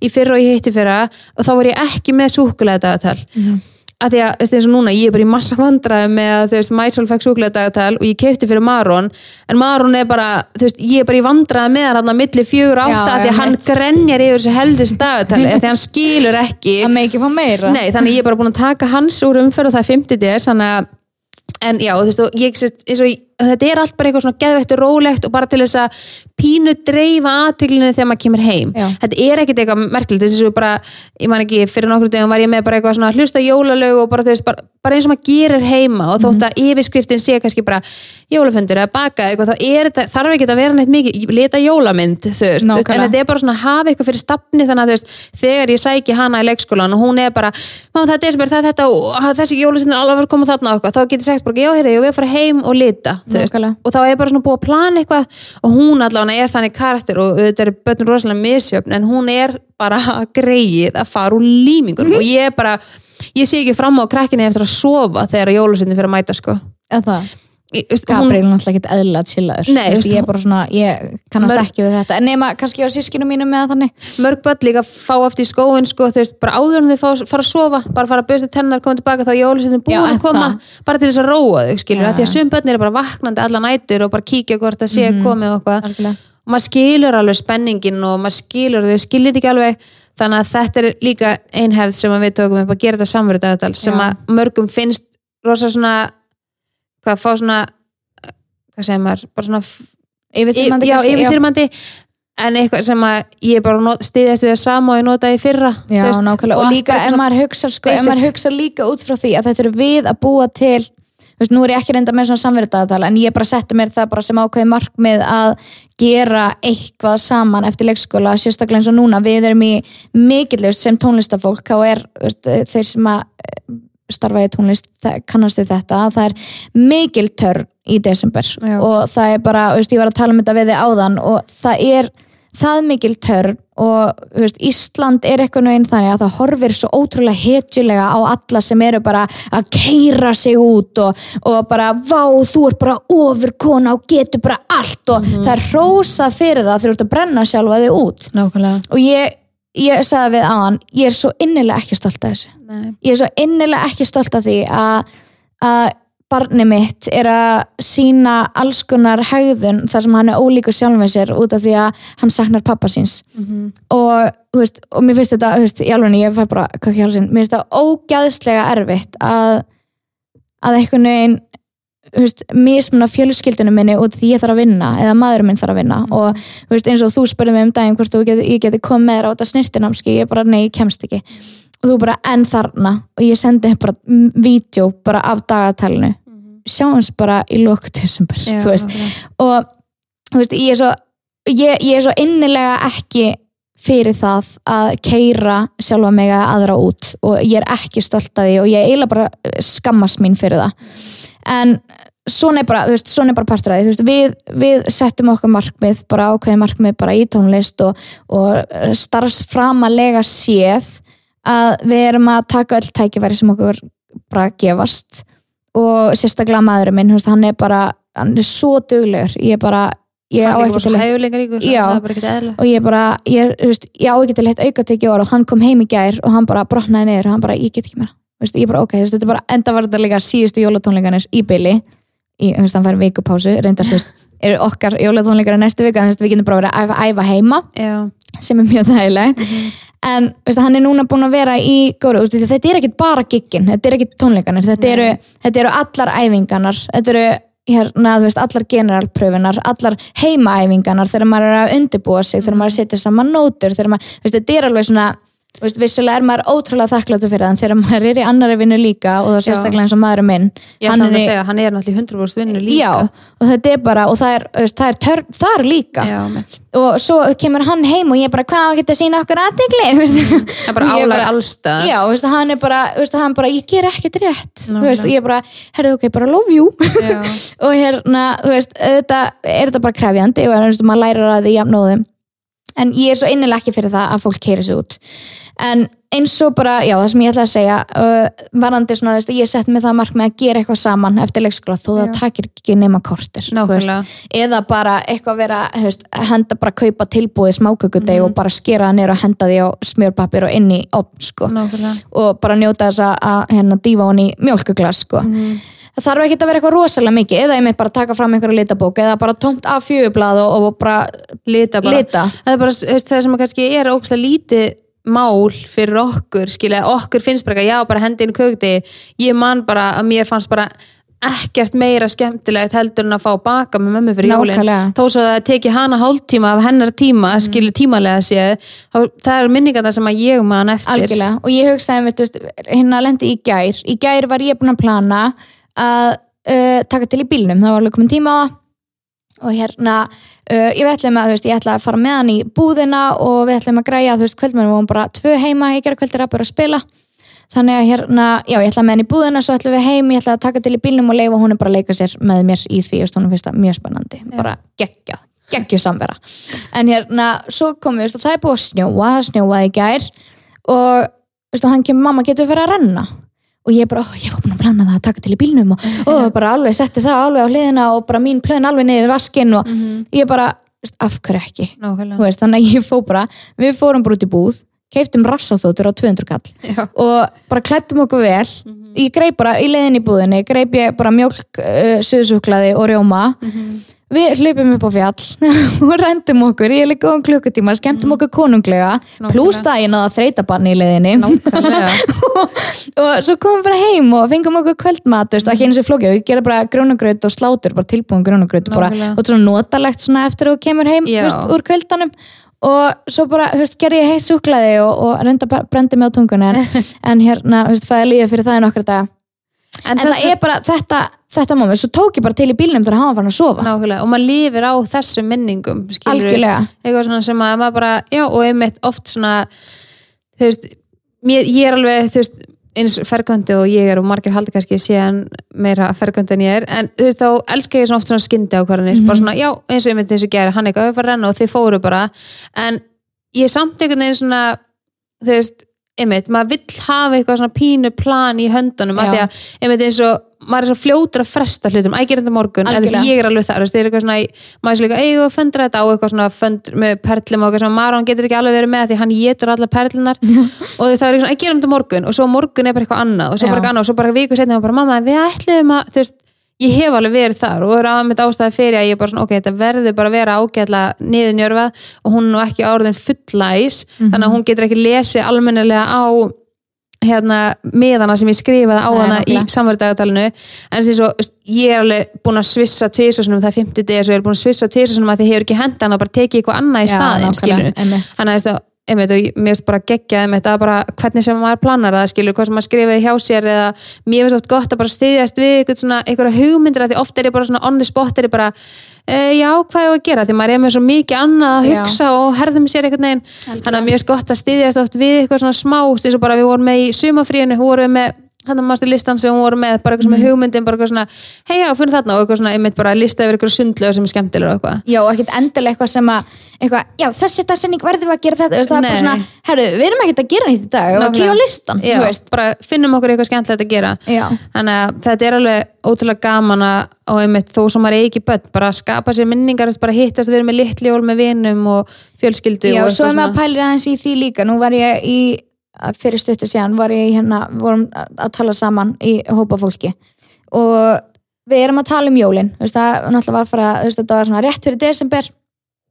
Og við vorum að tala um jólin og bara álægið og stressi og ég er bara svona, guð, ég er svo chill veist, ég er náttúrulega að tala um það í, held ég, það senasta podcast eða eitthvað svo les um hérna bara mínar einstu þegar litli bróðum minn var lasin og jólin sem voru þá var svona ákveðin opinberun þú veist, fyrir því hvað skiptir umverulega máli þú veist, maður var sveittur við að sle, veist, blása sér hárið og, og svo var bara litli bróðum minn eins og nálapúði einsás Mhm. þú veist, bara með umbúðir fekk tveggja tíma leifi á spítalanum og ég bara svona, vá, hverjum er ekki drull hvort ég sem er blásið hárið eða ekki og maður er svona bara, vá, það skiptir bara ógeðslega miklu máli að hann sé hjá okkur Mhm. og þessi bara lifandi Nákvæmlega. bara fyrir það fyrsta og hérna já, ég talaði um það í þar, þar síðasta podcasti held ég. En við vorum að tala um það í við vorum eh, hópur að spjalla saman og vorum að tala um það bara varðandi allt þetta álag og pressuna sem fólk setur á sjálf og sérstaklega mér finnst vi, okkar kynslu að vera svolítið að fatta þetta. Já, fatta að það er öllum drullum þessa pressu og, og veist, það er bara,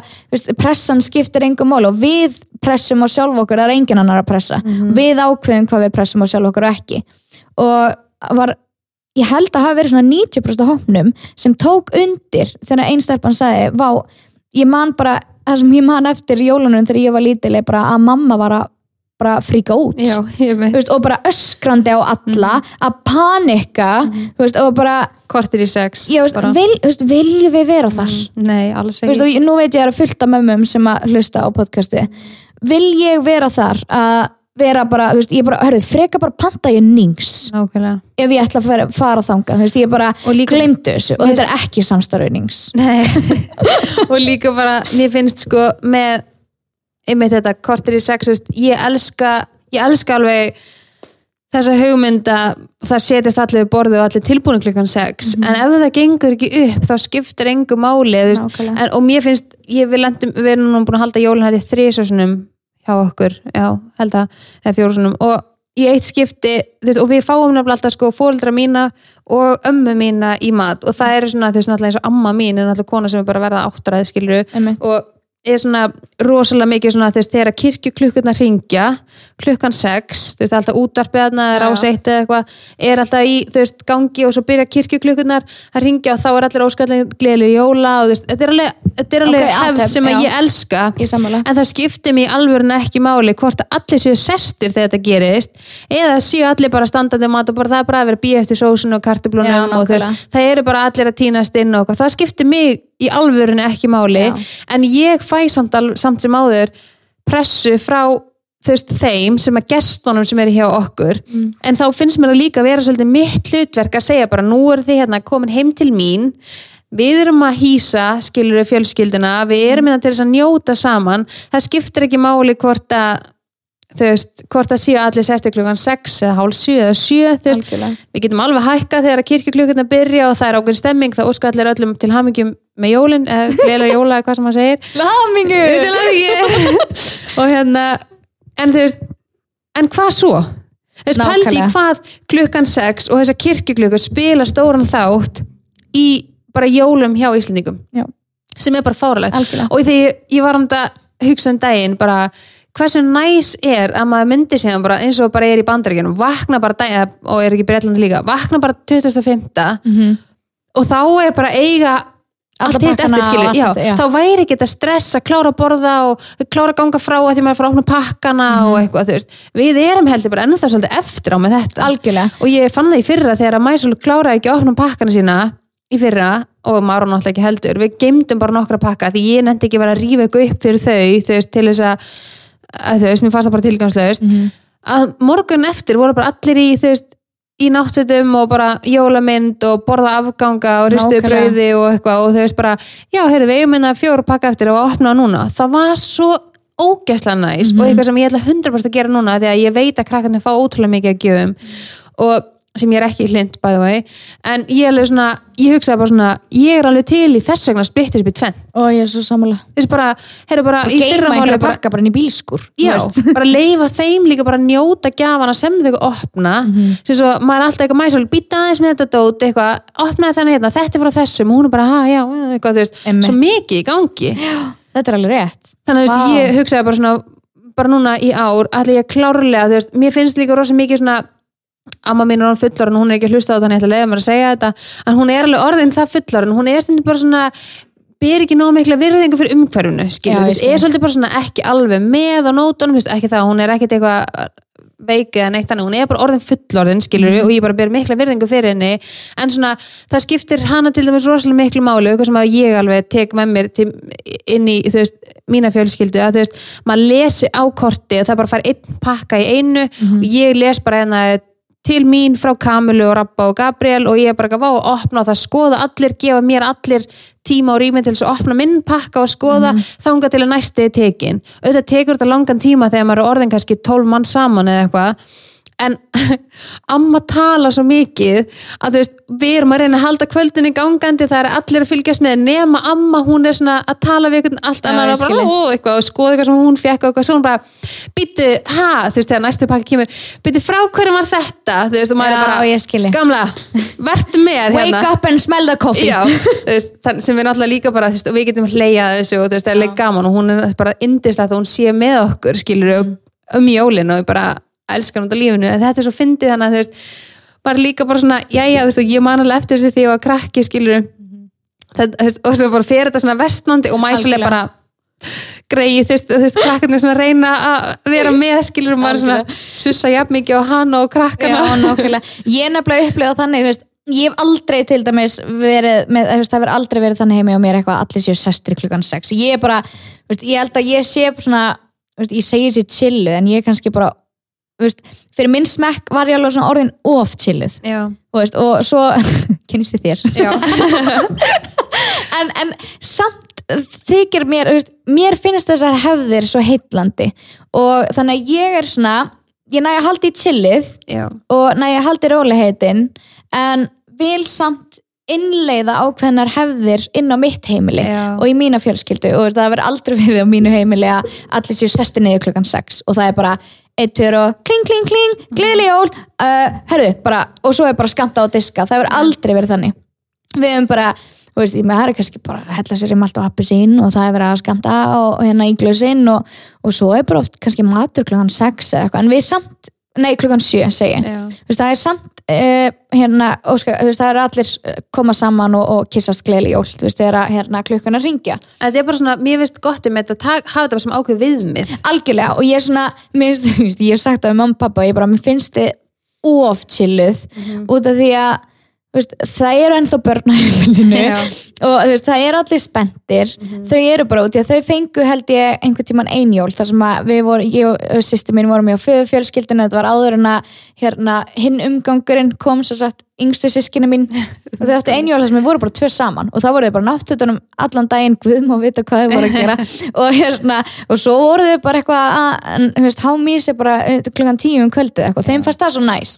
Þannig að þau eru alltaf svona sem ég eitthvað svona haldi í þá ég eitthvað svona já, það er svona það lítið börnina Já, og, og, veist, og þau eru alveg sammála því og ég, eitthvað, veist, ég skil samt alveg veist, bara eftir að hafa haldið jól í öll þessi ár að bara eiga en jól bara það sem að var ekkert að frétta. Og þú veist, þau bara pældi ekki í pökkunum en það bara orðin fullorinn og ballaus og, og hérna, ég eins og ég segi guðum að vita hvað þau voru að gera. En hérna, En samt finnst mér líka bara svona einmitt, að því að veist, mér finnst börn svo mikil partur af jólum. Já, það er nefnilega þannig á mér. Og ég var að mynda að segja við rappa um daginn þú veist, það var hérna að taka úr veist, úr þessum, þessum chilluðu engum hefðum já, pluss hefðinar sem heilla mig veist, Mhm. mér langar til dæmis að halda náttfóttajól já. og því að ég sé veist, eh, sérstaklega eftir bara að upplifa veikindir með Róbert og, og hérna veist, stressið og álæðist eitthvað svona að vera að tróða sér í einhverja sjokk upp sjokk upp, veistu hvað, ég bara er með of mikla bumbu fyrir þetta, ég hef ekki tími í þetta. Ég svitna og mér langar bara að geta maður er líka farin úr þessu. Ég fer alltaf úr þessu eftir mat. Ég, ég, ég kom úr þessu e- eftir þrjábita sko, Já, svo verð ég bara að fá að klára að borða. Ég er bara, að ég ætla úr þessu áður en ég fer ganga frá eftir og maður er eitthvað, onni allan undirbúningin, er maður að, þú veist, hérna, þú veist, og, heimilið og allir undirbúningunum sem vel, þá er maður að strauja skýrtunar og svona líka, má það ekki bara býða undir jóladag? á ég samt segja styrlaði staðarind ég kann ekki strauja Ha? nei, aldrei strauja Ha? ég hef einu sinni straujað og það var í heimilisfræði þegar ég var í fymta bekka Þannig erum við með eitthvað sem ég geti mögulega kent þér, Já. vinkona. Frans straujar allt eða það er að strauja Oh my God, en það straujar hann bara þú veist, skýrtina sínar Já, ég er nefnilega rosalega bara- straujari, sko, ég strauja alveg að sletta. ég á ekki sem straujbólta sko Já, ok. Vá, magna. En þú Já, gufar. já, gufu vel. Já, En og ég- sléttu, já. Já, og ég sko nenni ekki eins og að gufa og einu sinni bað Frans með um að gufa ykkur skýrtu að aftan skilur þú veist eitthvað svona, hann var eitthvað að flýta sem var eitthvað, hann var að fara en ekki ég hann ég bara eitthvað já og ég bara, æ, farðu bara í skýrtuna og gufaði hann í skýrtuna og ég sko, hann Brendur bara þriðja styggs bruna á baki. Hann ennþá með svart eftir gufuna og ég alveg, æ, hætti svo væli og svo bara var Oh skýrtan límd Sólrún. við hann og ég bara, hva? hætti svo fóð ekki væli maður, ég er alltaf eitthvað að strauja mæli með að kaupa bókina Já, það er ekkert talað um að strauji henni, ég get alveg því. nei, ég hérna, já, þú veist ég eitthvað neginn, já, þú veist, og því við förum í mjög fínt jólabóð alltaf á jóladag Já, þannig að ég er svona, veist, mér er það mikilvægt að svona, veist, vera þá, þá fer ég alveg í jólafötin, sko, veist, en eins og þegar ég var, var jólinn hjá mamma og pappa, þegar ég var heima, veist, á æskaheimilinu, þá voru náttfóttajól já.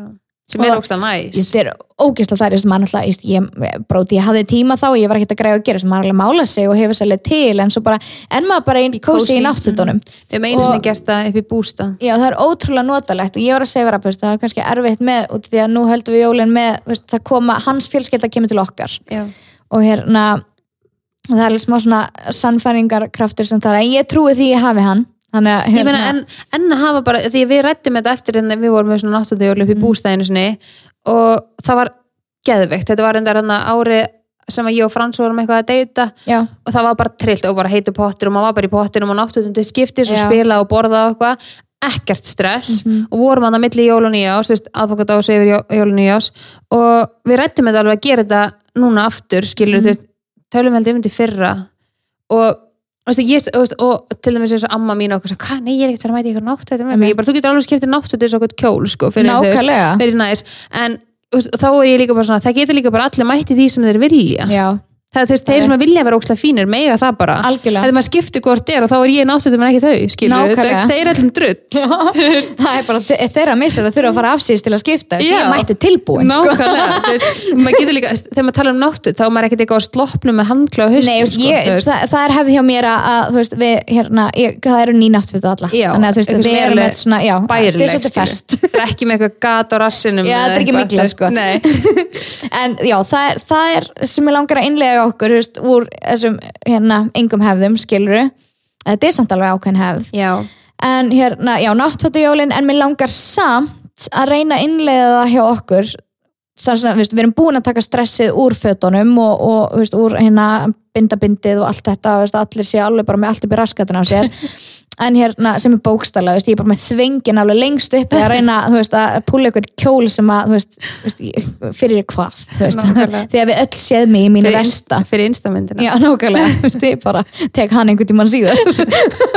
En já, ég hérna já, en samt langar mig að reyna að innlega það á móti að maturinn sé svona tilbúin eða svona ish, sex ish þú veist, en það voru kannski allt í við, uh, klukkan ringir gleðileg jól, bara lof lof á okkur öll sömul og hérna bara, Bara skáli og- já, skáli um alltaf appelsín og, og æði en þú veist, það sé kannski mest eftir að kannski hella, þú veist, hérna brúnuðum kartöflum í fat og bera þetta fram og bara svona, allir svona komnir fram og hjálpa stað og já, nákvæmlega. þú veist, þá erum við svona miða kannski við sex en allt í lagi ef það er milli sex og hálf sjö eða Já, mér er snabbt alltaf lægja með við sex Já. þú veist, en ekki hafa það stíft að fólk bara líði illa í ég einhverjum bara ákveðnum jólin eru ramma. ónýtt Já, en þú veist, ef maður er þar þá er það svo vond þegar það gengur ekki upp, skilja, ég hef alveg verið þar og ég hef með dólist upp eða mamma bara eitthvað, þú veist, bara eitthvað að, veist, hún hafði sér til allra síðast skilur, og bara allt tilbúið hún eitthvað reyna maskara sem hún aldrei ána með þú veist hvernig hún var, en Mhm. allir aðrir eru ógeðslega fínir og flottir en það er líka leinitryggs hjá mér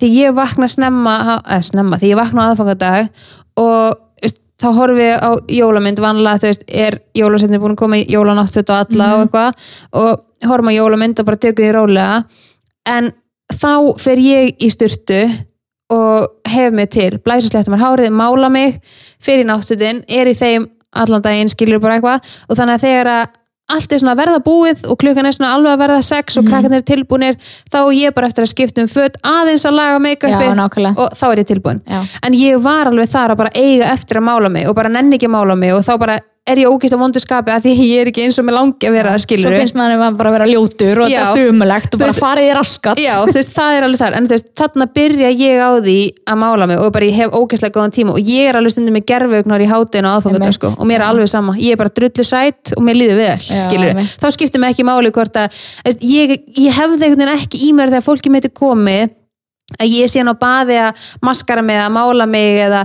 líma mig gerfugnar kortir yfir sex en ef ég er að brúna kartöflunar og sósan og það er aðeins eftir á það er svona algjörlega, Aðeins þú ert öðruvísi. alltaf frammi í félagskapnum þú veist, það er að- allir komnir saman. Já, það er er vera það sem skiptir máli. já, en þú veist, eitthvað svona, æ, býta aðeins eitthvað að klæða sér í skóna og eitthvað, þú veist, hérna einhverju stressi og eitthvað, það er, mér finnst það öðru sem mér líður öðru ég, ég hef engan húmor fyrir því sko. Nei, Það það er er, mann líður bara ekki vel og þá verður maður bara í vonduskapi og það er með held ég mamman sem að flesti tengja við að vera bara eitthvað, Já, hérna, sem er bara fríka út og er bara, þú veist, fann að öskra á alla og eitthvað, og er eitthvað svona ég var alveg, ég átti þetta samtali mömmu þú veist, mamma er endar ekki svona svona brjáli típa, þú veist, hún bara svona það er bara matur klukkan nýju það er matur klukkan nýju bara, þú veist, slakið á. Sem er þægilegt. Já, en aftur á móti, svona í gegnum aðvenduna og ég átti þetta spjallana þannig að þegar við vorum að tala um þetta veist, með bara að opna okkar hefðir og við fórum rosalega mikið að pæla í þessu. Og um að pæla í hvað ég vildi einlega hjá mér og annað og ég átti þetta samtal við hana bara mér fannst, þú veist, nú, nú veist, þannig var Gabriel hvað tveggjóra eða eitthvað þannig, ég var svona svolítið nýju móðu hlutverkinu og ég var bara svona að hugsa hvernig móðu vil ég vera og ég talaði með mömmu um það að í gegnum alla aðvenduna það var svo mikið að gera hjá henni bara eins og rétt hjá mér, eins, og í gær veist, ég hefði bara, bara nei við ætlum ekki að fara að renna ég hef bara eftir að taka til í bílnum og dutt, dutt, dutt. ég sagði hann að ég bara og, og ég, ok, ég, ég upplýði aldrei eitthvað garg eða vesen eitthvað og væri eitthvað að fara á límingunum Nei. en þú hefðir alltaf nóg að gera ég horfði alltaf á þig vera á spani. Þú gæst aldrei sest hjá mér og bara spilaði við mig. Nei, bara átt smá tíma. Já, og ég bara svona veist, hún var bara bóðið svo rétt. Og ég bara veist, ég, alveg, ég, veist, við hefum kannski gaman að spila saman við sískinin og pappi sest hjá okkur og allt þetta og, veist, og það kannski í kjölfæra því leggst allt óvart á mömmu. Já, veist, en ef hún myndi tala og byggja um hjálp og segja bara, herðu, getum við klárað þetta saman? Þá getum við öll sest niður bara eftir klukkutíma, bara þetta tekur enga stund ef við gerum þetta saman. Mhm. og þú veist, ég horfði hana og ég bara, þú veist, ég hefði vilja óska þess að þú hefði gert það, ég hefði freka vilja hjálpa þér og átt smá tíma með þér en þú settist aldrei hjá okkur. Nei, og það er eitthvað sem að ég tek til mín Mhm. þú veist, og hún, hún hefur tekið til sína eftir við áttum þetta spjall veist, með, sem, veist, henni fyrir svo gaman að því að ég sé að opna með alls konar svona hluti út í að hún á enn þá börn sem eru 8 og, og, Já. og 10 ára veist, þannig að hún er bara eitthvað, ú, ég ætla að gera þetta og ég ætla að gera þetta, hún er bara, hún er bara supermom. En hérna, ekki þá hún hefur alltaf verið supermom það er alltaf bara samskipti sem að, maður er bara að læra. Maður er alltaf líka- að lifa og læra. Já, og hún líka bara þroskast algjörlega, hún átti mig nákvæmlega. Þannig að hérna, og ég ég veit ekki, þetta er eitthvað sem ég tek með mér er bara, ok, allt sem þarf að gera öll pressan sem er í gangi samfélagið, Instagram mér er drull, það er bara samvera með barninu mínu sem er nummer 1, 2 og 3 og það er bara eitthvað sem á eftir að lifa í minningun og, og gefur miklu meira af sér heldur en að vera upptekin að ykkur öðru skilur sem skiptir ekki máli. veist, en maður þarf að minna sig á það og sérstaklega í svona og mér finnst líka, ég til dæmis og mér langar alveg að koma ég pínu frá mér með að því að þú veist, oft, það er svo mikið verið að tala um jólaþrif já, og það er svo mikið tala um það í neikværi merkingu Mhm. sem ég skil alveg og það er alveg svona oft óyfirstíganlegt þegar fólk miðar við einhvern annan eða þú veist, hugsa bara hvað í langi ofta að gera. Og þú veist, ég til dæmis deildi engum jólaþrefa lista í ár Nei. af því að ég vil ekki setja pressu á einhvern annan, skiluru ég bara gerir mitt og sínu frá þú veist, ímsu, skiluru sem ég er að gera. En mér finnst bara svo mikilvægt að bara ef þið langar ef þetta er það sem þið langar og oft er þetta fólk sem eru ég þarf ekki að þrýfa heima mér og tala hæst um það, bara, ég bara, hef það bara skítugt og jæri jæri og bara svona en ef þú ert að tala um það svona og ert svona neikvægt þá finnst mér oft vera fólk sem hefur kannski ekki endilega tíma í það skilur, og því líður endilega, kannski ekki endilega vel með það af því að ég ég allavega er bara eitthvað svona ef að, þú veist, það er allt skítið heima mér í jólunum þá er mér alveg sama skilur, ef, ef það er það sem ég vil. En ef, ég, ef mér langar að hafa allt hreint og langar að gera ykkur ákveðna hluti þá finnst mér bara svo mikilvægt að vera skipulaður og eins og varst að segja með minna að byggja bara um hjálpuna af því að oft Algjörlega. á svona heimilum, bæði stórum heimilum og bara það sem að það er bara pör skiluru, að þá er oft bitnar þetta meira á öðrum aðilánum Mhm. og þetta er einmitt eitthvað sem er líka alveg hægt að gera sem ákveðna samveru. Þess að ég man alveg fyrir jólin þú veist bara, bara frá því, ég bara man eftir mér. Þá var alltaf bara einmitt, þegar þú veist að tala um að skiptum á rúmunum Mhm. fyrir á þólasmessu einmitt eitthvað sem var heimi á mér. Og þá var það bara þannig að veist, það setti bara allir utan á sitt, mamma setti bara utan um einn kott og eina sæng nákvæmlega. Pappi setti bara utan um sína sæng og sinn kott og það gerði bara allir sitt. Eh, því meðan ég var það lítið líka að ekki gert það sjálf þá hjálpaði mamma mér alveg. En ég var svo sem að tók utan um minni rúmi og setti utan um það. Og það var bara, það er bara í minningunni partur á ótrúlega góðum tíma. Algjörlega, Ekki það það er bara ég- allir að Já, ekki það að mamma sé bara eitthvað "Ó, þá á eftir að skipta hérna á þremur rúmum eða eitthvað, þú veist, það var aldrei minningin. Og það er eitthvað sem ég tek til mín að ég er bara svona að þú veist að ég fái krakkana mína bara, heyrðu, þetta er bara svona hrein rúmföt, við ætlum að gera þetta svona ég er, veist, það er svona partur af bara ákveðna jólastemmingu og ef bara svona, og þegar við erum búin að þessu þá ætlum við bara að fara niður í bæ og þú veist, rölda á þólasmessu og veginn svona jólaþrifin eru bara einhvern veginn ekkert öðru sér heldur en hver önnur þrif. Og auðvitað þurfa öll heimili aðeins meira aðhald ykkur tíma, þá þarf ykkur tíma að þrýfa upptötuvel og þurrkara og allt, öll þessi stóru tæki sem maður nota greiðlega mikið, það þarf alveg að hugsa um þetta en það þarf ekkert endilega alltaf að gerast kortur í jól. Nei, það, Það þarf- líka, veist, það er nóg að gera Já, kortur jól. veist, þess vegna hef ég bara svolítið tam með þú veist, það er það sem ég svolítið gefið mig út fyrir að ve- vera er að ég þrýfa einu sinni í viku en það tekur mig hálftíma í senn. Nákvæmlega. en ef ég myndi þrýfa einu sinni í mánu þá væri ógeðslega mikið veist, fyrir jólin, ég tek bara viku þrýf fyrir jólin bara hverjum föstudegi eins og ég er vön að gera það, einu sinni viku og það er ógeðslega lítið sem það er að gera út af því að ég er að viðhalda verkefninu bara er að næra verkefninu alltaf skilur Mhm. en svo kemur það alveg fyrir þess og núna þarf ég að taka þvóttælum minn á þurrkarinn í gegn en ég þarf þess ekkert að því það er að koma jól. Nákvæmlega. ég þarf þess að jafn mikið eins og ég gerði það í sumar það er bara því að það er orðið skítugt og mér langar ekki að fá svepp í þvóttæluna mína að því að þvóttæfni fljótandi festist í henni skilur en þetta finnst mér líka svolítið svona hugafar sem mætti breytast. Og Algjörlega. ég hvet líka fólk til þess ef það er mikið í vinnu og mikið að gera og bara hefur hreinlega engan áhuga á því að sinna heimilinu sinu en langar að hafa hreint í kringu sig að kaupa ykkur þjónustu sem og ég er að býður upp á. ég er eins og ég sagði að hann, ég hef mikinn tíma en minnst það leðilegt Já. þannig að ég, Ég ég, ég það vissulega vel. það ótrúlega svona þegar ég kemst í stuði ég, hvernig gerist of- yf- yfirleitt fyrir mig á kvöldin og nú er náttúrulega búin að vera svo mikið ein heima með. Gabriel uh, þegar hann fer að sofa, ég er bara eitthvað svona hm, setja okkur podcast og fer að taka til einhverjum skápum og svo allt einu er ég búin að taka til í uh, heilu herbergi og svo er ég allt einu komin inn í þvótta og svo er ég búin að taka til í öllu þvóttahúsinu og, og ég stolt af mér, þetta er bara en veist, ég, það er bara eitthvað skipulag veist, ég, ég, ég hef ekkert ég gera það alveg en veist, að ryksuga og skúra og allt eitthvað svona mér finnst það ógeðslega leðilegt ég skil það bara líka ógeðslega vel. Já. og líka bara það, þú veist, þegar maður kaupir sér þrif, þá er bara allt tekið í gegn. Mhm. að þú þarft samt sem áður að viðhalda hverjum einasta degi Það er að ganga frá eftir mat og annað sem er alveg ótrúlega mikið verkefni Og ég að ykkur getur létt undir með manni hvað sem það er maki eða kaupa sér þjónustu sem Mhm. að getur tekið bara allt í gegn og ef það lætur þið líða betur með það skilur algjörlega, þú veist, og eins og við höfum oft talað um, þú veist, það þarf ekkert að þrýfa meira núna fyrir jólin heldur en einhver einhvern annan ástíma, þetta er bara þetta er bara ákveðið viðhald á heimilinu Mhm. á, á bara hlutunum sem úr að kaupa þér og bera virðingu fyrir umhverfinu og þar sem þú átt heima Mhm. Já. þannig að það er spurning, ætlum við að gera þetta kannski, gerum við frekar eitthvað svona á haustin eða, eða gerum við þetta bara skiptum niður verkum og gerum þetta jafn óðum eða þú veist, það bara hvað sem hendar hverjum á einum. Nákvæmlega. og eins og núna, það er það mikið að gera hjá okkur í desember að þetta er bara svona ákveðin hérna, vinnur okkar sagði að þetta væri ódýrara heldur en hjónabandsráð. Ándjóks, ég skil það bara vel. að hérna að það er það mikið að gera hjá okkur núna. Ég sé mig bara ekki veist, ég, ég gæti alveg komið í fyrir en ég bara, það er svo yfirþyrmandi fyrir mig að fara að taka alveg, veist, þessi viku þrif á allt húsið þannig ég bara, herðu, þú veist, ég er bara búin að bóka með konu sem ætlar að koma fyrir jól og bara svona, svona þrýfa bara að taka svona Já, og aðeins það, meira það er bara ákveðin léttur undir hjá mér og hjónabandinu mínu og, og heimilishaldinu en, en þetta, er ekkit, þú veist, þetta eru þrif sem að ég geri kannski einu sinni í mánuði annars. Algjörlega. þetta er bara, núna þessi mánuður ég ætla bara að leifa með þetta. Algjörlega. Og því ég er bara nógan að gera. Ég, ég, bara, ég skil þetta svo ógeðslega vel og líka bara það að þú veist, einmitt að ef, að, þú veist, að því að maður er að reyna að njóta sem mestu við jólin og þú veist, ef þetta er eitthvað sem að hjálpar þá bara hvet ég alla til þess að skoða. Ekki Algjörlega. þetta hljómar í svo eitthvað versta samstarf hérna, því miður ekki spurja mig um ykkur Nei, þrifyrirtæki ekki mig heldur, ég er bara eitthvað að fá einhverja konur sem að mamma kannast við eitthvað og hún er eitthvað frænka mín eitthvað og ég er svona, já, ég er bara til í þetta. Nákvæmlega, því ég fæ alveg oft spurningu sko, hvort að reyndar hægt núna ég var alveg mikið að fá það á snabbt hvort að ég var að taka að mér heimilistrif ógeðslega fyndið en, en já, þú veist, þá gera þá það hjá mér stundum bara- en ekki fleiri já, bara Google sko. Þannig að, en já, allavega þá finnst mér þetta að vera svolítið svona og þetta, já, ég ætla líka að segja með jólaþrifin.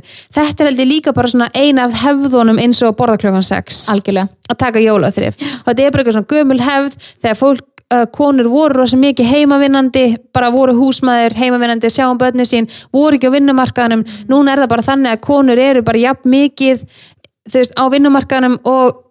Kallmaðurinn hérna, á vinnumarkaðanum skilur og að þetta þurfi þá að bitna á konunni yfirleitt. Nú er ég bara að taka svona dæmi ég er ekki alhæfa, ég veit það er líka þú veist, tvær konur sambandi en yfirleitt bitnar þetta meira á öðrum aðilánum að það er bara ekki sangjant og sérstaklega ofan á allt annað ála á þessum árstíma. Ef, ef maður hefur bara ekki tök á því að sjá um þetta sjálfur og þú veist bara eins og með alla aðrar þjónustur skilur, akkur þá ekki að, nýta sér það? Nákvæmlega. ekki bara yfir jólinn, bara alltaf skilur mm. ef þetta veitir mann eitthvað ánægju. Þannig að ég er alveg 100% talsmaður þess að fólk kaupir sér þrif. Þó svo ég sé að gera sem ég er að gera en þú veist, þá er ég ekki, heldur ekkert alltaf heima að líka bara þrýfa ótrúlega, þú veist, og ef við tökum bara ef við tökum þetta svolítið bara saman bara í gegnum þetta allt samfélagslega pressa á ekki að vera til. Nei. við bara ákveðum hvað við viljum leggja áherslu á hjá okkur hvaða pressu við erum tilbúin til að setja okkur og þetta er alltaf bara svo ótrúlega einstaklingsbundi við erum öll í mismunandi aðstöðum hvort sem það sé fjárhagslega uh, vinnuálag, fjölskyldu aðstæður húsnæðis aðstæður bara veljum bara fyrir okkur sjálf og ekki bera sér saman við næsta mann. Nei, og líka bara vera meðvitaður um hvað mann finnst um sjálfan sig og þú veist bara reyna að byggja sjálfan sig upp og bara vita fyrir hvað maður stendur sjálfur að því að ef maður líður ekki vel með sjálfan sig þá fer maður að rífa sig niður og bera sig saman við aðra. Og algjörlega þú veist það sem að hendar mér hendar ekkert endilega þér skilur þú veist þannig að bara svona eru svo allir ólíkir og bara sérstaklega muna núna yfir þessa árstíma þú veist þegar fólk fyrir að sína þú veist gjafir og bara þú veist heimilishald og bara alls konar samveru yfir jólin að þú veist þetta er svo lítið brot af lífi fólks, veist, ekki bera sér saman við ef maður liggur einn heima á sér þú veist, með augunum upp í sófa því eitthvað gekk ekki upp eða maður hefur ekki eins gott á grannar þá verður maður svolítið að skapa sína eigin hamingju sjálfur. Algjörlega. Það er bara þannig. Og bara taka skarfið, framkvæmda valdið er í okkar höndum. Jöps. en ekki bara góður í byli, bara gleðilega aðvendu Já, og gleðileg jól. Já, og ég vona svo innilega að við getum, það er náttúrulega líka pressa í því að reyna að njóta. En Algjörlega. við bara gerum okkar allra besta til að einfallega bara vera til staðar og til við fjölskyldur okkar já. og vinni og munum bara að gefum á okkur. já, og ég held að við tökum okkur bara að styrta pásu fram meður áramót. Það, það. Það var ákveðið hérna. Já. bara verða ykkur góð og til hamingi með lífi Já, bara takk fyrir mig, ég þarf að smá andlir pásu að halda. En þetta voru bara við